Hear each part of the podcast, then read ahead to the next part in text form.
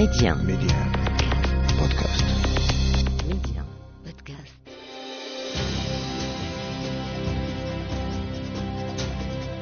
لنبدأ من حيث توقفنا بعد السابع من نوفمبر 1987 دخلت تونس في دورة جديدة دون أن تقطع مع العهد السابق ورحبت أوساط واسعة من التونسيين بتولي زين العابدين بن علي السلطة دون إراقة دماء أو عنف وأشاد به أنصاره معتبرين أنه منقذ البلاد من الهاوية.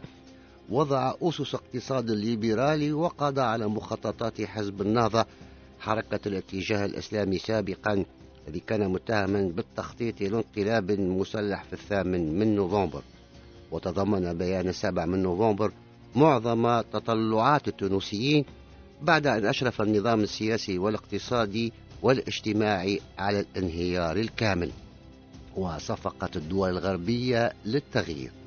ويروي لورانس إيجلبرجر وزير الخارجية الأمريكي في ولاية رونالد ريغان الثانية أن الولايات المتحدة كانت مشغولة بتطورات الوضع في تونس في العام 1987 حين بدأت تظهر على حكم الرئيس الحبيب بورقيبة علامات الوهن والتخبط. وصراع الأجنحة وأضاف أن فريقا أمريكيا متخصصا كان يبحث مجموعة من الأسماء لخلافة الرجل العجوز وحين ساد جو من الحيرة نطق أحدهم بالحكمة الذهبية حتى زين العابدين بن علي يمكنه أن يكون البديل. وبعد السابع من نوفمبر أغلق باب قصر سقانس بالمنستير على الرئيس العجوز الذي رحل بعد سنوات كان خلالها زين العابدين بن علي حريصا على زيارته عندما يبلغه الحرس بأن بورقيبة مستيقظ من غيبوبته. لقد انزوى بورقيبة في قصره مرددا كل ما صح من حالة الزهايمر التي أصابته عبارة حافظها كل من حوله كان يقولها بالفرنسية التي كان يتقنها بشكل كبير. Je n'ai jamais donné confiance aux militaires. La seule fois où j'ai donné confiance à un militaire, il m'a dit أنا لم أعطي أبدا ثقة لعسكري والمرة الوحيدة التي أعطيت فيها ثقة لعسكري خلعني وأطاح بي في العام 1989 فاز بن علي بالانتخابات الرئاسية الأولى من نوعها بعد التغيير بنسبة 99% وتم بعدها توقيع ما سمي بالميثاق الوطني وأدخل التعددية بجرعات محسوبة إلى البرلمان. تكررت نفس الحالة التي كانت سائدة في زمان بورقيبة بوجود حزب رئاسي تدعمه الدولة وأحزاب معارضة هامشية.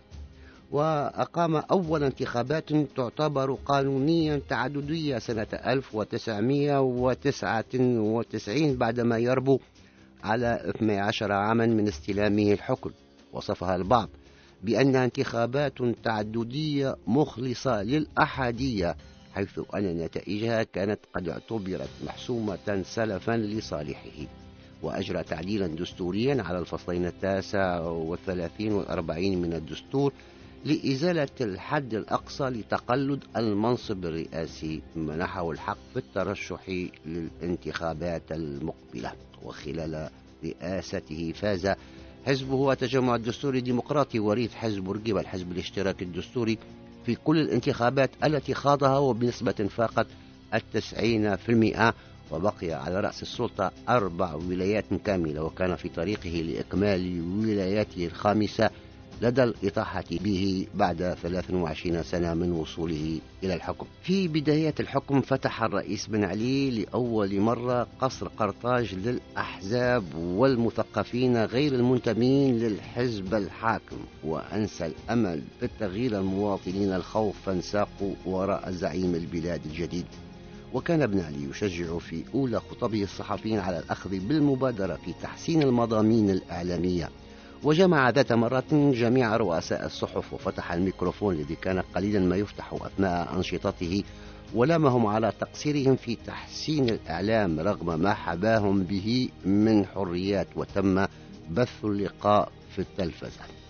أشرت سابقا إلى أني توجهت إلى تونس بعد التغيير والتقيت العديد من الشخصيات كصدق شعبان الوزير السابق والقيادي البارز في حزب الرئيس التجمع الدستوري الديمقراطي ومحمد الطرابلسي القيادي في الاتحاد العام التونسي للشغل والوزير لاحقا عدة مرات وعبد الحفيظ الهرقام مسؤول الإعلام في القصر الرئاسي الذي كان يقول لي نحن في تونس منقسمون إلى فريقين فريق يشجع Médi Un وفريق RFI واشتغلت مع رضا النجار مدير المركز الافريقي لتكوين وتدريب الصحفيين والاتصاليين CAPJC وخلال إحدى الدورات التي أشرفت على إدارتها بمشاركة نحو 30 صحفيا من نحو عشر دول عربية. التحقت به للاشتغال على مونتاج حول نشاط رئاسي لبن علي. وتحول الشريط من نحو 15 دقيقة بتفاصيل مملة إلى نحو أقل من خمس دقائق مكثفة وأرسل إلى قصر قرطاج وأعجب الرئيس بالعمل. وهنا كان اللقاء في القصر مع رضا النجار والرئيس على عشاء خفيف. الرئيس كان يريد شكلا جديدا لأخباره أكثر مهنية مما كان عليه. تغير شكل الأخبار التلفزية ومضمونها إلى درجة كبيرة لكن لم يطل العهد. وفي أجواء حرب الخليج الثانية اندلعت المواجهة بين السلطة وحركة النهضة وكان ذلك إذانا بنهاية سريعة لفسحة نادرة وبداية تغيير جوهري في أسلوب تعامل النظام مع المعارضة والمجتمع المدني. حيث بدا جليا أن زين العابدين بن علي لم يكن يرغب في التداول السلطة لكن في المقابل وكان في البداية وبعد أن استقرت أوضاعه نهائيا يميل لإشراك أطراف عديدة في اللعبة زين العابدين بن علي أزاح الرئيس المريض الحبيب بورقيبة في السابع من نوفمبر 1987 وأمسك بعدها بزمام السلطة بقبضة من حديد لكن عربة بائع خضر بسيط أخرجته من قصر قرطاج بعد 23 سنة في الرابع عشر من يناير 2011 بعد أن أطلقت ثورة شعبية لينتهي به المطاف منفيا وتوافيه المنية عن 83 عاما. وللحديث بقية. إلى لقاء قادم.